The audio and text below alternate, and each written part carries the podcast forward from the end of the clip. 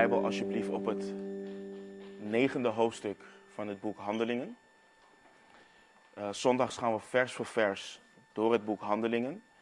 En vandaag pakken we het verder op in hoofdstuk 9 en uh, ronden we dit hoofdstuk ook af. Mocht je geen Bijbel bij je hebben, uh, steek je hand op en we hebben leenbijbels beschikbaar. En mocht je notities willen maken, we hebben ook pennen en notitieblokken beschikbaar. En die notitieblokken en pennen die mag je houden. Laten we lezen laten we bidden, en vervolgens bidden en dan de tekst induiken. Handelingen 9 vanaf vers 32. En dan lezen we dat Lucas schrijft onder leiding van de Heilige Geest. En het gebeurde dat Petrus, toen hij overal rondreisde, ook bij de heilige kwam die in Lida woonde. En daar vond hij een man van wie de naam Eneas was, die al acht jaar op bed lag en verlamd was. En Petrus zei tegen hem, Eneas, Jezus Christus maakt u gezond. Sta op en maak voor uzelf uw bed op. En hij stond meteen op. En allen die in Lida en Sarona woonden, zagen hem en bekeerden zich tot de Heer. En er was in Joppe een zekere discipelin van wie de naam Tabitha was, wat vertaald Dorcas betekent. Deze was overvloedig in goede werken en in liefdegaven die zij schonk. En het gebeurde in die dagen dat zij ziek werd en stierf. En toen men haar gewassen had, legde men haar in de bovenzaal. En omdat Lida vlakbij Joppe lag, stuurden de discipelen, toen zij hoorden dat Petrus daar was, twee mannen naar hem toe, die smeekten dat hij zonder uitstel naar hen toe zou komen. En Petrus stond op en ging met hen mee. En toen hij daar gekomen was, brachten zij hem in de bovenzaal. En alle weduwen stonden bij hem, terwijl zij huilden en de onder- en bovenkleding toonden die Dorcas gemaakt had toen zij nog bij hen was. Maar nadat Petrus allen naar buiten gestuurd had, had gestuurd, knielde hij neer en bad en hij keerde zich naar het lichaam en zei, Tabitha, sta op. En zij deed haar ogen open en zodra zij Petrus, zag, ging zij overeind zitten. En hij gaf haar de hand en hielp haar opstaan. Hij riep de heiligen en de weduwe en plaatste haar levend voor hen. En dit werd bekend in heel Joppe. En velen geloofden in de Heer. En het gebeurde dat hij veel, veel dagen in Joppe bleef bij een zekere Simon, een leerlooier. Laten we bidden. Vader, het is um, zo ontzagwekkend en zo goed om te weten dat alles wat wij lezen in uw woord, Heer, een doel heeft. Heer, dat u alles wat u in uw woord heeft overgeleverd, Heer, dat u dat wilt gebruiken om ons te heiligen, dat u dat wilt gebruiken om ons uw hart te openbaren. En om ons te veranderen naar het evenbeeld van onze Heer Jezus Christus. En Heer, zonder uw geest zijn we niet in staat om te begrijpen wat hier staat, waarom het hier is. En wat, het, uh, wat u daarmee wilt uh, bereiken in ons. Dus ik bid u en ik vraag u, Heer, open onze ogen, open onze harten, Heer, onze oren. Vervul ons met uw geest. En geef ons het vermogen om te begrijpen wat u tot ons wilt spreken vanochtend. We loven en prijzen uw naam en bidden alles in de naam van Jezus. Amen. Um, er kunnen meestal twee dingen gebeuren wanneer je dit uh, gedeelte leest, deze twaalf versen. Je kunt er overheen lezen, of jezelf afvragen waarom heeft Lucas dit onder leiding van de Heilige Geest gedocumenteerd. Wat voor lessen kunnen we hieruit halen? En als eerste gebruikt Lucas dit gedeelte om onze aandacht weer te richten op de bediening van de apostel Petrus, die we voor het laatst in hoofdstuk 8 zagen tijdens de grote opwekking in Samaria. En daarnaast is dit verhaal de brug naar het verhaal van Cornelius, een heidense man die tot geloof gaat komen. Het is een prachtig verhaal waar we volgende week bij stil gaan staan. Maar je zou dit verhaal dus zo kunnen lezen en dan gelijk naar hoofdstuk 10 gaan. Maar, er liggen in deze twaalf versen hele waardevolle lessen voor, voor ieder mens anno 2020. Dus voor zowel de wedergeboren discipel als voor de ongelovigen. Maar voor we daarop ingaan, um, is het even goed om een korte samenvatting uh, te geven van wat we vorige week hebben behandeld en waar we ons op dit moment uh, bevinden. En vorige week hebben we gekeken naar de radicale bekering van de apostel Paulus. Een onwaarschijnlijk bekeringsverhaal. Een man waarvan zelfs een ongelovige zou zeggen: deze man gaat nooit tot geloof komen. En dan zien we hoe waar de woorden zijn in Romeinen 1 dat het evangelie de kracht van God is. En um, We lazen dat Paulus de gemeente heftig vervolgde. We lazen in vers 1 van hoofdstuk 9 dat hij tegen de discipelen van de Heere brieste van dreiging en moord. Hij was zo vastberaden om allen die van die weg waren, dus allen die Christus navolgden, om die uit te roeien. Hij was zo vastberaden dat hij uit zichzelf naar de hoge priester is gegaan om buiten Jeruzalem de discipelen van de Heer Jezus Christus op te pakken en geboeid mee te nemen naar Jeruzalem. En we lazen dus toen Paulus dicht bij Damascus kwam, hem een licht omscheen uit de hemel. En toen hij op de grond gevallen was, hoorde hij een stem die tegen hem zei: Saul, Saul, waarom vervolgt u mij? En Paulus erkende dat dit geen alledaagse gebeurtenis was, want hij vroeg: Wie bent u, Heer? En de Heer Jezus zei: Ik ben Jezus die u vervolgt.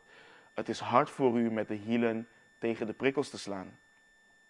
En we hebben stilgestaan bij het feit dat Paulus waarschijnlijk de waarheid over de Heer Jezus Christus aan het onderdrukken was en dat de Heer hem uiteindelijk geconfronteerd heeft. En toen Paulus de naam van de Heer Jezus hoorde, was hij verbaasd en beefde hij.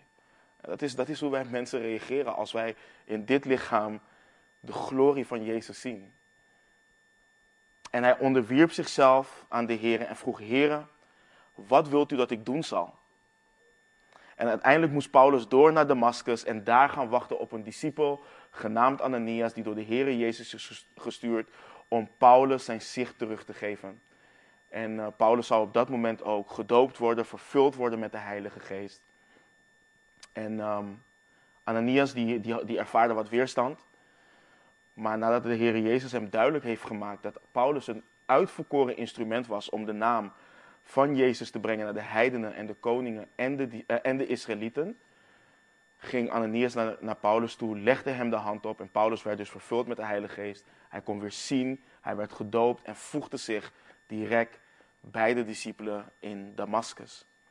En we zagen vervolgens dat Paulus onmiddellijk predikte dat Jezus de Zoon van God was in de synagogen.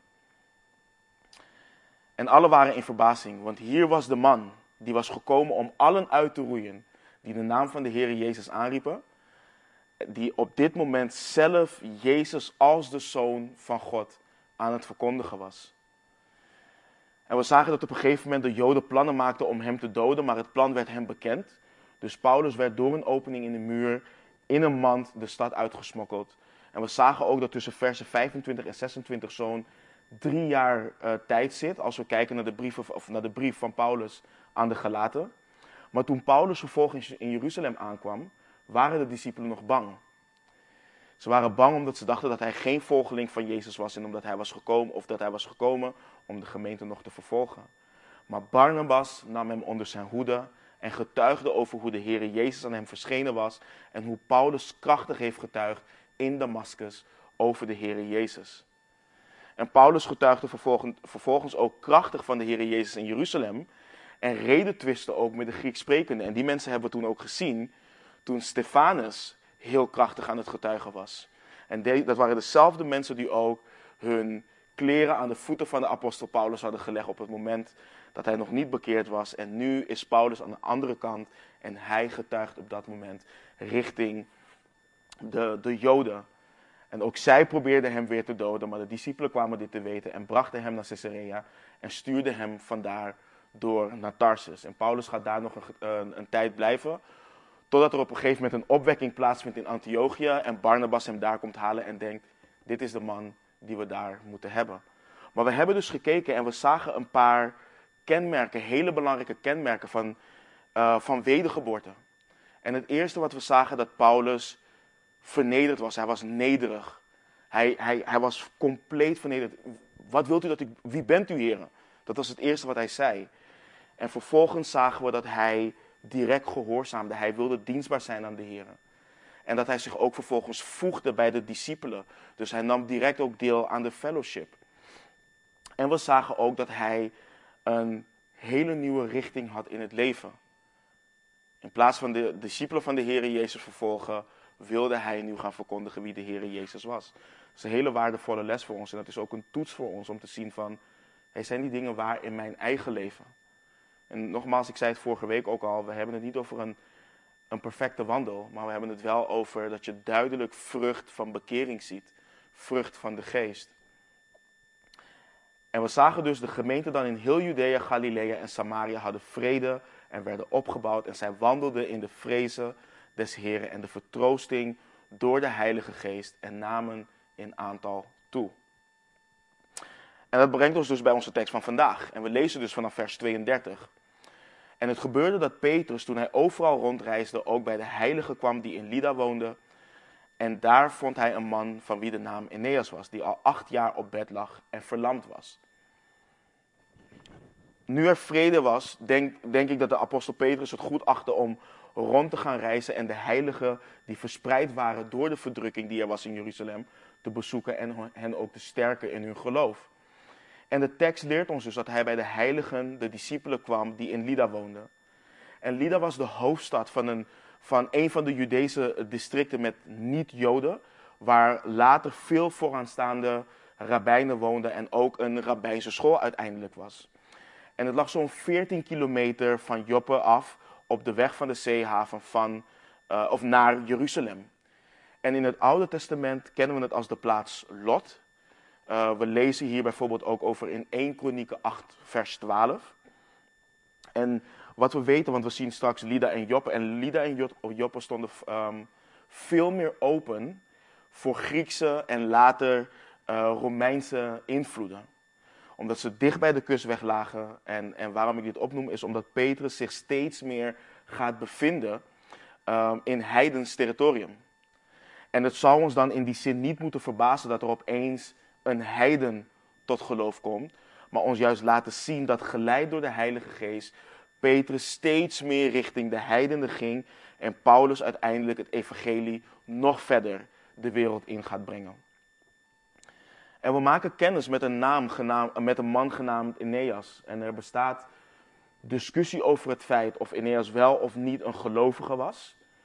Ik ben persoonlijk zelf geneigd om te denken van niet. Want iedere keer dat Lucas het over een discipel heeft, dan schrijft hij dat ook. En dat zien we bijvoorbeeld later ook bij, bij Dorcas.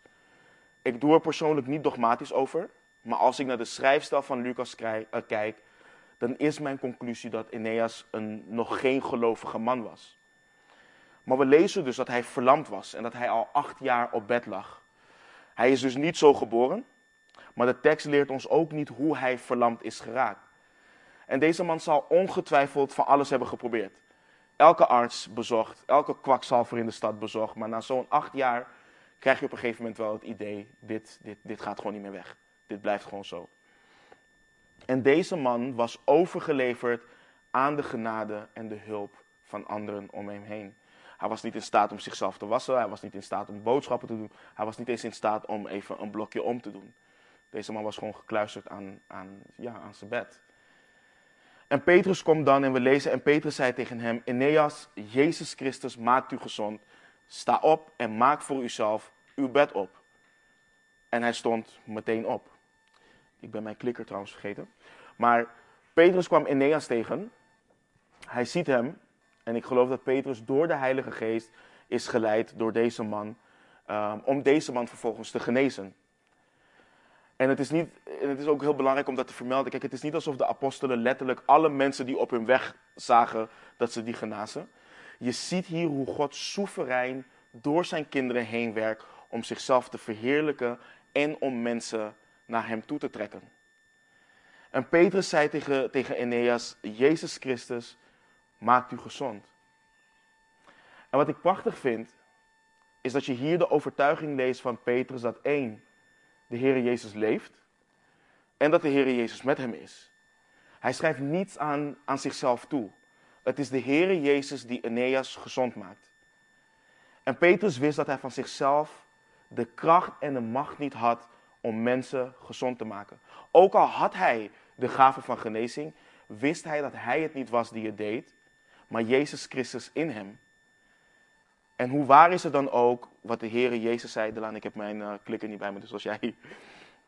In Johannes 15, eh, vers 5, waar de Heere Jezus zei... Ik ben de wijnstok, u de ranken. Wie in mij blijft en ik in hem, die draagt veel vrucht. Want zonder mij kunt u niets doen. Zonder Jezus zijn we niet bij machten om wat dan ook te doen. En laat dit niet zien hoe nederig ons hart hoort te zijn en hoe afhankelijk we van Hem zijn. En dit is, en, jullie weten, ik, ik, ik sta hier niet om mensen eh, klein te maken of wat dan ook, maar dit is wel het tegenovergestelde van wat we hier zien in de charismatische kerk. Waar, waarin men vertrouwt op apostel die of op pastor die. En in Matthäus 28, 18 zei de Heer Jezus, mij is gegeven alle macht in, in de hemel en op aarde. En het is over de Heer Jezus waar Paulus schrijft in uh, Efeze 1, vers 22. En hij, en hij heeft alle dingen aan zijn voeten onderworpen en heeft hem als hoofd over alle dingen gegeven aan de gemeente. Het is de Heer Jezus die de autoriteit heeft over alles en iedereen. Hij geneest, hij bevrijdt, hij maakt vrij. En wat wij ook maar doen, doen we niet in onze eigen autoriteit. We kunnen niet putten uit onze eigen kracht. Het is de Heer Jezus die altijd het werk in ons doet. En soms moet ik ook lachen wanneer je die mensen ziet die zo graag de confrontatie bijvoorbeeld aangaan met demonen en denken dat ze zo machtig zijn. Kijk, een demon die siddert voor geen enkel mens. Hij siddert alleen voor de naam van de Heer Jezus Christus. En Petrus erkent het gezag en de macht van de Heer Jezus en zegt dan ook, Jezus Christus maakt u gezond. Sta op, maak voor uzelf uw bed op. En we lezen vervolgens dat hij, dus Eneas, meteen opstond. Eneas was onmiddellijk genezen. Het is geen revalidatieperiode. Hij was meteen genezen. En dit is ook iets wat we heel mooi zien, bijvoorbeeld in het Evangelie van Marcus. In het Evangelie van Marcus zie je heel vaak de woorden onmiddellijk of meteen na een, een, een teken van de Heer Jezus wanneer hij iemand geneest. En het laat ook zien dat je dus bij elke vorm van genezing in de Bijbel, dat een persoon onmiddellijk genezen is. Het is geen aanloop naar genezing. En let op het effect van de ontmoeting tussen Petrus en Eneas en het werk wat de Heer Jezus daardoorheen heeft gedaan. In vers 35. En allen die in Lida en Sarona woonden, zagen hem, dus zagen Eneas, en bekeerden zich tot de Heer. Dit is altijd het effect van tekenen en wonderen in het Nieuwe Testament. Let eens op, het nieuws dat Petrus, Eneas, een man die acht jaar lang verlamd was en niets anders kon doen dan op, het bed, dan op bed liggen, was op wonderbaarlijke wijze genezen. En wie heeft hem genezen? Petrus zei, Jezus Christus maakt u gezond. Iedereen die hierover heeft gehoord, moet hebben gehoord dat Eneas in de naam van een zekere Jezus Christus gezond is geworden. En dat bracht zoveel ontzag dat men zich bekeerde tot de Heer. ik weet niet of jullie nog weten, toen we door Johannes heen gingen. Uh, dus dat was het eerste boek natuurlijk waarmee we begonnen. Toen waren we nog veel kleiner, dus veel mensen waren er ook niet. Maar ik citeerde bijna elke studie van Johannes, citeerde ik Johannes 20, versen 30 en 31. En let op wat Johannes daar schrijft. Dus, bijna, dus aan het einde van het boek schrijft hij, Jezus nu heeft in aanwezigheid van zijn discipelen nog wel veel andere tekenen gedaan die niet beschreven zijn in dit boek. Maar deze zijn beschreven opdat u gelooft dat Jezus de Christus is, de Zoon van God, en opdat u, door te geloven, het leven zult hebben in Zijn naam. Ieder teken in het Nieuwe Testament, ieder wonder is om te laten zien en om te bevestigen wie de Heer Jezus is. Het is om de boodschap en de persoon die Hij heeft gezonden te bevestigen. Want wanneer we tot het besef komen wie de Heer Jezus is, dan moeten we daar wat mee. We, we, moeten wat met zijn leven. We moeten wat met zijn onderwijs, zijn bediening, zijn dood, zijn wederopstanding. We moeten wat met het feit dat hij de verzoening is voor onze zonden. En niet alleen voor de onze, maar ook voor de zonde van de hele wereld. Dat is wat Johannes schrijft in 1 Johannes. En God heeft zijn geest niet in mensen geplaatst om te verlangen naar tekenen en wonderen, om het doen van tekenen en wonderen. Hij heeft ze gegeven opdat we elkaar kunnen toerusten en opbouwen, maar ook opdat we anderen kunnen wijzen naar de, naar de Jezus Christus, opdat ze zich mogen bekeren. En dat is wat gebeurt in onze tekst van vandaag. Allen die in Lida en Sarona woonden, zagen hem en bekeerden zich tot de Heer. En vervolgens wil de Heilige Geest ons wijzen naar een andere goddelijke ontmoeting van Petrus. En we lezen dan vanaf vers 36 of in vers 36. En er was in Joppe een zekere discipline van wie de naam Tabitha was, wat vertaald Dorcas betekent. Deze was overvloedig in goede werken en in liefdegaven die zij schonk. We maken kennis met een discipline, genaamd eh, Tabitha. Um, dit, is, dit is trouwens de enige plek in het Nieuwe Testament waar de vrouwelijke variant van het woord discipel wordt gebruikt. Uh, de naam uh, Tabitha is haar Aramese naam en Dorcas haar Griekse naam. En dat is heel prachtig, want in, in, in de Bijbel leren de namen van mensen ons iets over de persoon. Of wat de ouders natuurlijk dachten over de persoon. En haar naam betekent gazelle. En dat zegt, en, we, kennen, we kennen dat dier natuurlijk allemaal wel, het is een heel elegant dier. Dus dat, dat, dat zegt wat over haar, um, niet per se alleen haar uiterlijk, maar waarschijnlijk ook haar karakter. Um, en we lezen een prachtig getuigenis van de Heilige Geest over haar. We lezen dat ze overvloedig was in goede werken en in liefdegaven die zij schonk. En we lezen dan vanaf vers 37, ik kom hier later ook op terug, maar we lezen vanaf vers 37. En het gebeurde in die dagen dat zij ziek werd en stierf. En toen men haar gewassen had, legde men haar in de bovenzaal. En omdat Lida vlak bij Joppe lag, stuurden de discipelen, toen zij hoorden dat Petrus daar was, twee mannen naar hem toe, die smeekten dat hij zonder uitstel naar hen toe zou komen. En Petrus stond op en ging met hen mee. En toen hij daar gekomen was, brachten zij hem in de bovenzaal. En alle weduwen stonden bij hem, terwijl zij huilden en, en de onder- en bovenkleding toonden die Dorcas gemaakt had, toen zij nog bij hen was. Dus ze werd ziek en, uh, en ze stierf. En het was een gewoonte in die tijd en cultuur om het lichaam van een overledene te wassen. Maar het was ook de gewoonte om die persoon dezelfde dag nog te begraven. Maar op de een of andere manier zien we dat het lichaam van Dorcas niet begraven wordt, maar dat ze haar in de bovenzaal leggen. En vervolgens sturen de discipelen twee mannen naar Lida om Petrus op te halen. En het kan zijn dat het werk door de handen van Petrus tot in Joppe bekend was. En dat de discipelen op de een of andere manier een, een wonder verwachten. Het kan ook zijn dat ze wilden dat, de apostel, uh, dat er een apostel, apostel was die de begrafenis zou doen. Met welke verwachting ze Petrus hebben laten halen, kunnen we niet dogmatisch zeggen. Maar het feit dat Dorcas niet begraven was, laat zien dat ze op de een of andere manier iets van Petrus verwachten. En Petrus stond op en hij ging met de mannen mee. En toen hij in Joppe kwam, brachten ze hem dus naar de bovenzaal waar Dorcas lag. het is een heel, heel emotioneel moment. En we lezen dat er allerlei weduwen stonden bij hem en het, en, en het lichaam en zij allemaal daar aan het huilen waren. En terwijl zij huilden, lieten zij zien wat voor kleding Dorcas allemaal voor hen had gemaakt. En nogmaals, is een hele emotionele scène. En in die tijd, en het is heel belangrijk om te weten en heel, heel mooi om te weten, in die tijd wanneer iemand bijvoorbeeld die rijk was, stierf, betaalden ze soms mensen om te komen rouwen. Want weet je, vaak als je rijk was, dan had je natuurlijk hoogmoed en al dat soort dingen. En dan was je niet heel populair bij mensen. Dus dan, dan, dan kon je niet verwachten dat er heel veel mensen op je begrafenis waren. En dan betaalden ze mensen om daar te komen rouwen om je een soort van waardig afscheid te geven. Maar hier bij Dorcas is dat niet het geval. Dit waren echte tranen van een, uh, van een, voor een discipel van de Heer die geliefd was binnen haar gemeenschap. Dus echt een prachtige getuigenis. En dit is een hele belangrijke toepassing waar ik zo op terug ga komen. Maar we lezen nadat Petrus allen naar buiten had gestuurd, knielde hij neer en bad. En hij keerde zich naar het lichaam en zei: Tabitha, sta op. En zij deed, deed haar ogen open en zodra zij Petrus zag, ging zij overeind zitten. En hij gaf haar de hand en hielp haar opstaan.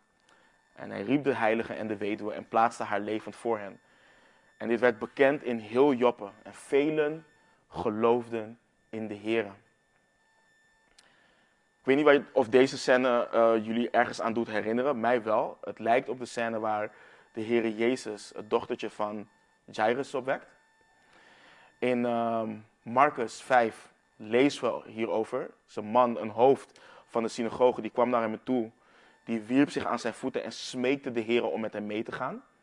Omdat zijn dochtertje op sterven lag. En in Marcus 5, uh, vanaf, uh, vanaf vers 39 lezen we wanneer het kindje al gestorven is. Dan lezen we, en toen hij, dus de Heer Jezus, naar binnen gegaan was, zei hij tegen hen, waarom maakt u misbaar en huilt u? Het kind is niet gestorven, maar het slaapt. Zij lachten hem echter uit, maar hij stuurde hen alle weg, nam de vader en de moeder van het kind en hen die bij hem waren mee, mee en ging het vertrek binnen waar het kind lag. En hij pakte de hand van het kind en zei tegen haar, Talita kumi. Dat is vertaald, meisje, ik zeg je, sta op. En wat we hier lezen met Petrus lijkt hier enigszins op. Petrus stuurt de menigte naar buiten. En een belangrijk verschil is dan wel, wat we hier zien, is dat Petrus volledig afhankelijk is van de Heer. Hij is de Heer Jezus niet. Want Petrus knielde neer en hij bad. Dus let nog, goed, let nog een keer op wat Petrus deed. Hij knielde neer en bad. Kun je je voorstellen wat er door Petrus heen ging? Petrus wist waarschijnlijk niet wat hij met deze situatie aan moest. Maar hij wendde zich tot, de, tot hem die wist wat er gaande was. En nadat hij gebeden had, keerde hij zich naar het lichaam en zei: Tabitha, sta op. Dus ergens heeft Petrus een bevestiging gehad van de Heilige Geest en geloof gekregen dat God haar uit de dood zou doen opstaan. En hij zei tegen haar: Sta op. En let ook op wat voor Heer Petrus is. Hij, hij gaf haar zijn hand en hij hielp haar opstaan. En hij riep de heiligen en de weduwe en plaatste haar levend voor hen. Ik wil, ik wil even teruggrijpen naar het vorige teken wat we zagen en het teken wat we Petrus hier zien doen. Let op wat Petrus doet. Hij stuurt de menigte weg. Vervolgens gaat hij bidden, dus Gods aangezicht zoeken. En daarna presenteert hij Dorcas levend voor de menigte. Bij Eneas zei Petrus simpelweg, sta op. Of uh, Eneas, Jezus Christus maakt u gezond. Sta op en maak uw bed voor uzelf op. Petrus maakt hier geen show van. Hij is, hij is niet, het is niet, kijk eens wat de grote apostel Petrus heeft gedaan of wat hij gaat doen. Het is niet alsof Petrus alle mensen van Joppe heeft verzameld en zegt, kijk nu wat ik ga doen. Dit was een moment wat volledig om het verheerlijken van God draaide. En dit doet me denken, kijk, ik weet niet of jullie uh, Kenneth Copeland kennen en hem uh, gezien hebben. Een leider uit de, uit Word of Faith uh, movement. Met een hoop bombardie en met een hoop, met een hele show, heeft hij COVID-19 terecht gewezen. Tijdens zijn dienst. Hij heeft COVID-19 op nationale televisie terechtgewezen en, en het land genezen verklaard. Dag daarna 10.000 doden. En of je nou gelooft of corona echt is of niet, dat is, dat is niet aan de orde. Maar waar het om gaat is, is dat je een contrast ziet tussen het echt geloven in de naam en de autoriteit van Jezus Christus en het spotten en belachelijk maken van de naam van de Heere Jezus. En we kunnen leren van Petrus. Maar van alle tekenen en wonderen wat de bedoeling is van de Heere God met deze dingen en wat onze houding daarin hoort te zijn. Want let weer op het resultaat hiervan. En dit werd bekend in heel Joppe en velen geloofden in de Heer. Alle eer en glorie ging naar Jezus Christus.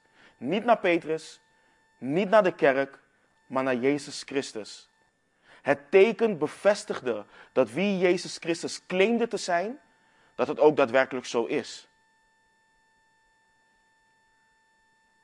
En het verhaal van, van, van Dorcas laat nog iets merkwaardigs zien. Voor, kijk, voor zover ik weet, zie je in het, Nieuwe Testament, en dat is belangrijk voor ons ook om te weten, omdat, kijk, er gaat veel leugen door de kerk. En vooral vanuit de charismatische beweging. Kijk, je ziet in het Nieuwe Testament niet dat discipelen van de Heer Jezus worden genezen. Je hebt drie zaken waarin volgelingen van hem uit de dood worden opgewekt. Je hebt Lazarus, je hebt Dorcas en je hebt, um, ik vind zijn naam altijd moeilijk, maar Etigus. Dat is die man die uit het raam valt wanneer Petrus of wanneer Paulus zo'n lange preek geeft dat hij uit het raam dood neervalt en op de grond valt. En het zijn de ongelovigen die worden genezen. En dat tackelt ook altijd gelijk de valse bewering dat discipelen van de Heer Jezus nooit ziek kunnen worden. En als ze ziek worden, dat God ze altijd gelijk moet genezen. Het is simpelweg niet waar. En we moeten heel goed oppassen wat we doen met de eigenschappen van God. En hoe, we, hoe Hij werkt, dat plaatsen in de wereld. Want we kunnen dus een vals getuigenis van de Heer Jezus creëren. En zijn naam daarmee ook bezoedelen. Dus we moeten daar altijd heel goed op letten. Maar we zien dus, het gebeurde dat hij vervolgens vele dagen in Joppe bleef, vers 43, bij een zekere Simon, een leerlooier. Het is belangrijk om niet over het hoofd te zien dat de man waar Petrus bij verbleef een leerlooier was. Het is veelbetekenend omdat Joodse rabbies leerlooiers als onrein beschouwden omdat ze constant in contact waren met de huiden van dode dieren. Dus de huis, en ook een ander belangrijk detail, de huizen van leerlooiers stonken altijd. En ze waren verplicht om ook buiten de stad te wonen. En de rabbijnse wet stelde ook, en dan kun je nagaan hoe de Joden hiernaar keken. De rabbijnse wet stelde dus ook dat als een jonge vrouw ontdekte dat haar verloofde een leerlooier was, ze de verloving ook kon verbreken. En hier zie je Petrus, een Joodse man, bij een leerlooier verblijven. En je ziet dus dat al zijn vooroordelen worden afgebroken en dat God zijn denken ook aan het hernieuwen is. Je ziet eerst hoe hij bij de Samaritanen kwam en dat hij daar zag dat God de Heilige Geest aan hen had gegeven. En uiteindelijk is dit ook dus de brug naar Cornelius in hoofdstuk 10.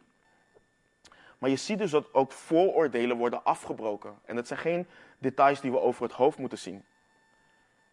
Maar ik wil met jullie kijken naar een aantal belangrijke observaties en een aantal belangrijke toepassingen voor ons uit deze twaalf versen. En het eerste is dit. Kijk, we weten dat de Bijbel veel geschiedenis bevat. En voor een deel als een geschiedenisboek wordt gezien. En terecht. En vooral het boek Handelingen. Maar de Bijbel is boven alles een geestelijk boek. Het is het woord van God. En alles in dit boek laat ons zien dat we een noden hebben voor verlossing in Jezus Christus. Dat is waarvan het boek getuigt, van kaft tot kaft. En als je kijkt naar Eneas en naar Dorcas, dan laat hun fysieke staat de geestelijke staat van ieder mens zien buiten Jezus Christus. En het is heel belangrijk om hier naar te kijken. Kijk, ieder mens is zonder Jezus Christus geestelijk verlamd, vastgemaakt aan de zonde, als een slaaf van de zonde. Geestelijk gezien zijn we niet in staat om tot God te naderen. We zijn geestelijk dood en moeten opnieuw geboren worden om leven te krijgen. Dit zijn niet mijn woorden. Dit zijn de woorden van de apostel Paulus in Efeze 2, vers 1, waarin hij schrijft: Ook u, en hij schrijft hier aan christenen, ook u heeft hij met hem levend gemaakt. U die dood was door de overtredingen en de zonden. Ieder mens wordt geestelijk doodgeboren, afgescheiden van God, krachteloos om de geestelijke dingen van God te begrijpen. En net zoals Eneas anderen nodig had om iets gedaan te krijgen of verplaatst te worden naar waar hij heen moest, zo heeft ieder mens de Heer Jezus Christus nodig om door hem bij God de Vader te komen. Jezus zei ook in Johannes 14, vers 6. Ik ben de weg, de waarheid en het leven. Niemand komt tot de Vader dan door mij. De apostel Johannes schreef ook in Johannes 1, vers 4. In het woord was het leven en het leven was het licht van de mensen. De mens leeft fysiek wel. En sommigen ervaren de zwaarte van de zonde niet en ervaren niet dat ze geestelijk dood zijn. Maar iets niet doorhebben houdt niet in dat het niet zo is. Iets niet willen geloven maakt het ook niet minder waar. Ik kan op het dak van dit gebouw gaan staan en niet geloven dat er zwaartekracht is. Maar als ik ervan afspring, dan doet het echt wel zijn werk. Dat is gewoon zo. En ieder mens heeft Jezus Christus nodig voor de vergeving van zonde. En soms wordt de vraag gesteld, want iedereen in deze gemeente beleidt ook een christen te zijn. Waarom heb je het zoveel over zonde? We zijn toch allemaal christenen? We zijn toch allemaal vergeven? Maar ik kan er niet uit, uitgaan dat we allemaal wedergeboren zijn. Ik kan die aanname niet doen. We hebben het bijvoorbeeld gezien ook in Simon, in Samaria. Hij heeft zich laten dopen. Maar we zagen dat hij niet wedergeboren was. En we moeten Christus altijd prediken. En dat is ook de reden dat hij gekomen is. Johannes schreef ook in zijn brief, in 1 Johannes 3, vers 5. En u weet dat hij, Jezus Christus, geopenbaard is om onze zonden weg te nemen. En zonde is er in hem niet. Paulus schreef ook in Romeinen 5, vers 6. Want toen wij nog krachteloos waren, is Christus op de bestemde tijd voor goddelozen gestorven. En ik weet dat jullie al deze versen kennen. En ik weet dat we theoretisch allemaal weten dat anderen dood in hun overtredingen zijn en gevangen zijn door de zonde. Maar mij helpt het om te beseffen dat ik niet verbaasd hoef te reageren wanneer zondaren zich gedragen als zondaren. Een zondaar kan zich net zo min gedragen als een goed mens, als een verlamde uit zichzelf kan opstaan en zijn of haar eigen bed kan opmaken. Een zondaar heeft Jezus nodig om nieuw leven te krijgen. Opdat ze door de inwoning van de Heilige Geest veranderd kunnen worden naar het evenbeeld van Jezus Christus. En Eneas en Dorcas herinneren ons eraan dat als we zout en licht maar één oplossing, maar één medicijn kunnen bieden tegen de zonde. En dat is geen therapie, het is geen psychologie en het is ook geen pedagogiek. Dat is Jezus Christus, de Zoon van God. Alleen door zijn streamen is er genezing voor ieder mens. Alleen omdat hij de zonde van velen heeft gedragen en voor de overtreders heeft gebeden en is verbrijzeld aan het kruis door de Vader, kan ieder mens uit water en geest geboren worden en het koninkrijk van God als nieuw mens binnengaan. Zonder Jezus Christus blijft ieder mens een slaaf van de zonde en geestelijk dood en verlamd, zoals Eneas en Dorcas dat fysiek waren. En de vraag is dus, als je jezelf toetst, wat is jouw geestelijke staat vandaag? Paulus leert ons dat we moeten toetsen of wij in het geloof zijn. Ben je geestelijk verlamd, kapot gemaakt door de zonde, dan is er één medicijn. En dat is Jezus Christus. En alleen Hij kan jou gezond maken. Alleen Hij kan jou vrijmaken. En niet, en niet alleen kan, hij wil het. We lazen net, hij is geopenbaard om onze zonde weg te nemen. Dat is waarom hij gekomen is. Om ieder mens vrij te maken.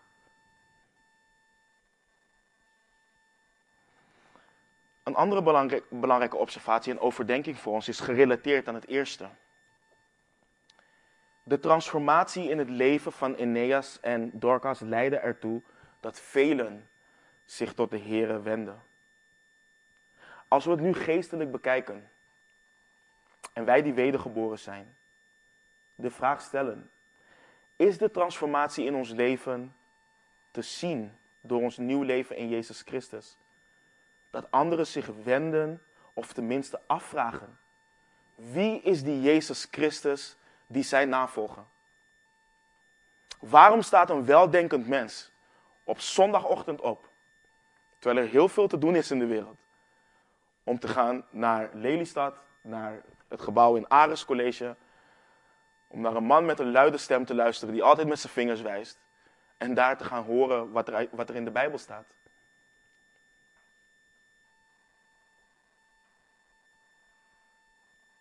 En vooropgesteld, niet iedereen zal de transformatie als positief ervaren.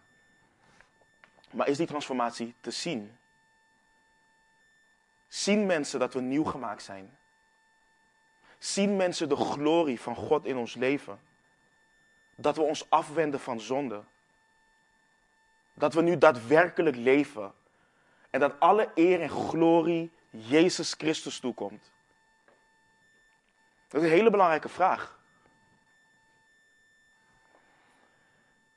En een andere belangrijke observatie en toepassing voor ons is de houding van de apostel Petrus in zijn bediening. Let, let als eerste op, en ik, ik heb het vaker in de laatste tijd hebben we het hier ook wel over, hè, over onze roeping. Heer, wat wilt u dat ik in mijn leven ga doen? Wat wilt u doen? Let op als eerste dat de apostel Petrus in beweging was.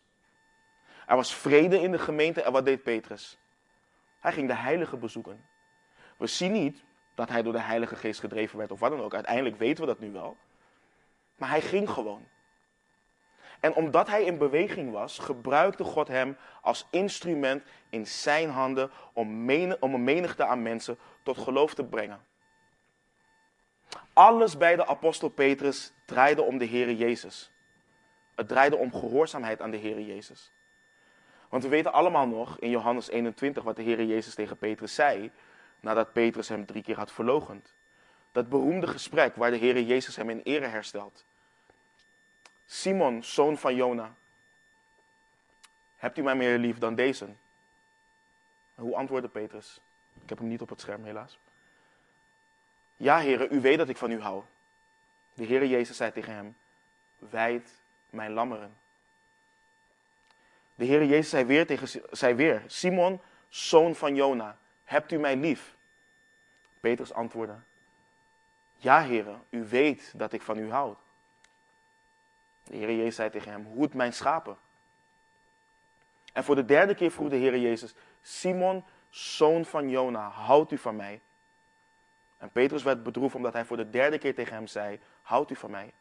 En hij zei tegen hem, Heere, u weet alle dingen, u weet dat ik van u hou. En Jezus zei tegen hem, wijd mijn schapen. En dit is exact waar de apostel Petrus gehoor aan geeft. Dit is wat hij aan het doen is. Hij is de heilige aan het bezoeken, de heilige aan het sterken. En wanneer wij gehoorzaam zijn aan de Heer, dan gebeuren er bovennatuurlijke dingen. En ik bedoel daar niet mee dat hij je opeens gebruikt om mensen te genezen.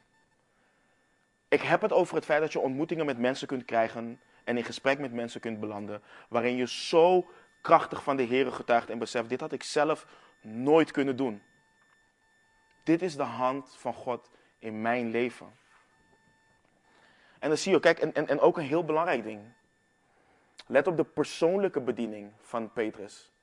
Petrus was niet alleen bezig met het evangeliseren richting grote menigten. Hier zie je hem bezig met een eenzame ziel als Eneas en met Dorcas, een discipelin. En dit is het hart van een echte opziener vervuld met de Heilige Geest. Iemand die bezig is met zowel de schapen binnen de vier muren van de gemeente, als iemand die het hart heeft van de Heer naar de verlorenen buiten de vier muren van de gemeente. En let ook op het contrast tussen de bediening van de apostel Petrus en, Dorcas. En dit is ook zo'n belangrijke observatie en toepassing voor ons. Let nogmaals op in, het, uh, in, vers uh, 36. Um, het getuigenis van de Heilige Geest over Dorcas. Deze was overvloedig in goede werken en in liefdegaven die zij schonk. Voordat we daar dieper op ingaan, wil ik met jullie gaan naar de zaligsprekingen van de Heer Jezus. Ik heb hem wel, deze heb ik wel op het scherm. Het is een hoop, maar ik wil hem even met jullie lezen. Want het is heel belangrijk. In Matthäus 5, vanaf vers 1, lezen we.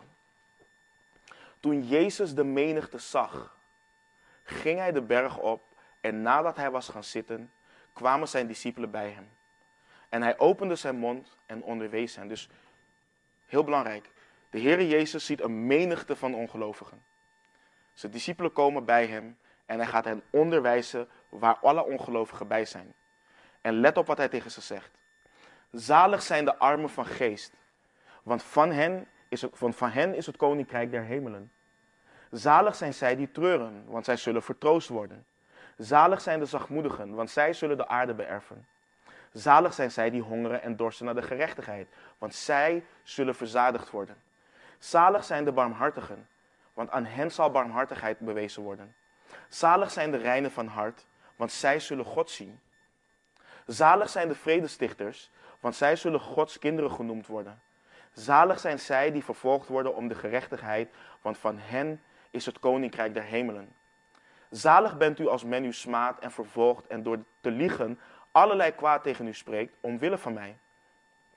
Verblijd u, verblijd en verheug u, want uw loon is groot in de hemelen. Want zo hebben ze de profeten vervolgd die er voor u geweest zijn. En heel belangrijk nu, vanaf vers 13. U bent het zout van de aarde. Maar als het zout zijn smaak verloren heeft, waarmee zal het gezouten worden? U bent het licht van de wereld. Een stad die bovenop een berg ligt, kan niet verborgen zijn. En ook steekt men geen lamp aan en zet die onder de korenmaat, maar op de standaard. En hij schijnt voor allen die in het huis zijn. En vers 16. Laat uw licht zo schijnen voor de mensen dat zij uw goede werken zien en uw Vader die in de hemelen is verheerlijken. Vers 16 nog een keer. Laat uw licht zo schijnen voor de mensen dat zij uw goede werken zien en uw Vader die in de hemelen is verheerlijken. Dorcas maakt veel indruk op mij. Let op wat Lucas over haar schrijft. Ze was een zekere discipelin. Er wordt niet veel over haar verteld. En dit is een hele belangrijke toepassing, want anno 2020, waar er zoveel commotie natuurlijk is over of vrouwen wel of geen oudste of voorgangers en al dat soort dingen kunnen zijn, omdat ze anders als minderwaardig gezien worden en dat zij ook gebruikt kunnen en willen worden voor Gods koninkrijk, zien we hier Dorcas. Ze was geen voorganger. Ze was geen evangelist. Ze was ook geen oudste. Dorcas maakte impact op haar gemeente. En met wat? Met een naald en wat garen. Met een naald en wat garen.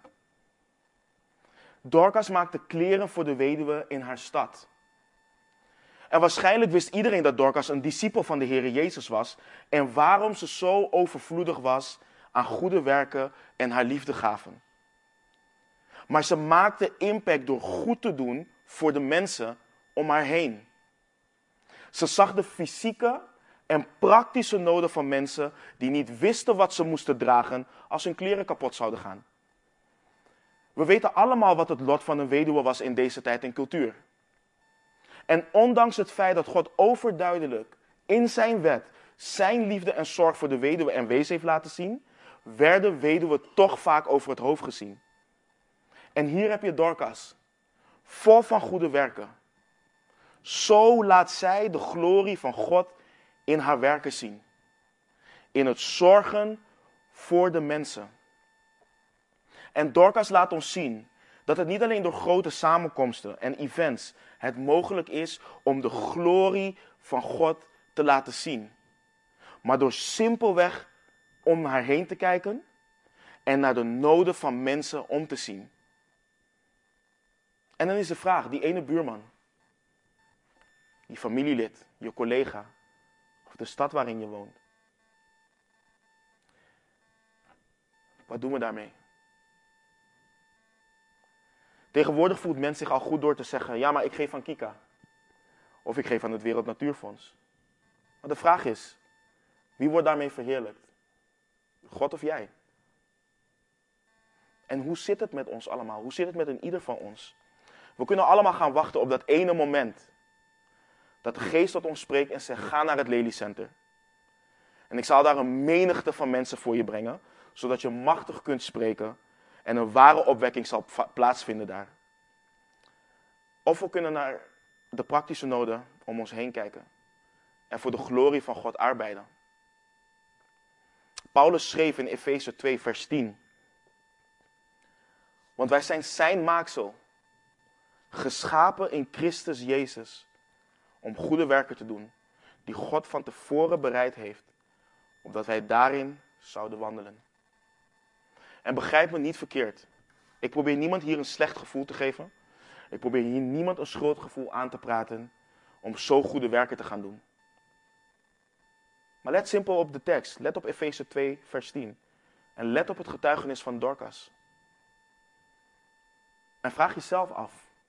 Maken wij, maak ik als christen, een discipel van Jezus Christus, impact op de wereld om mij heen?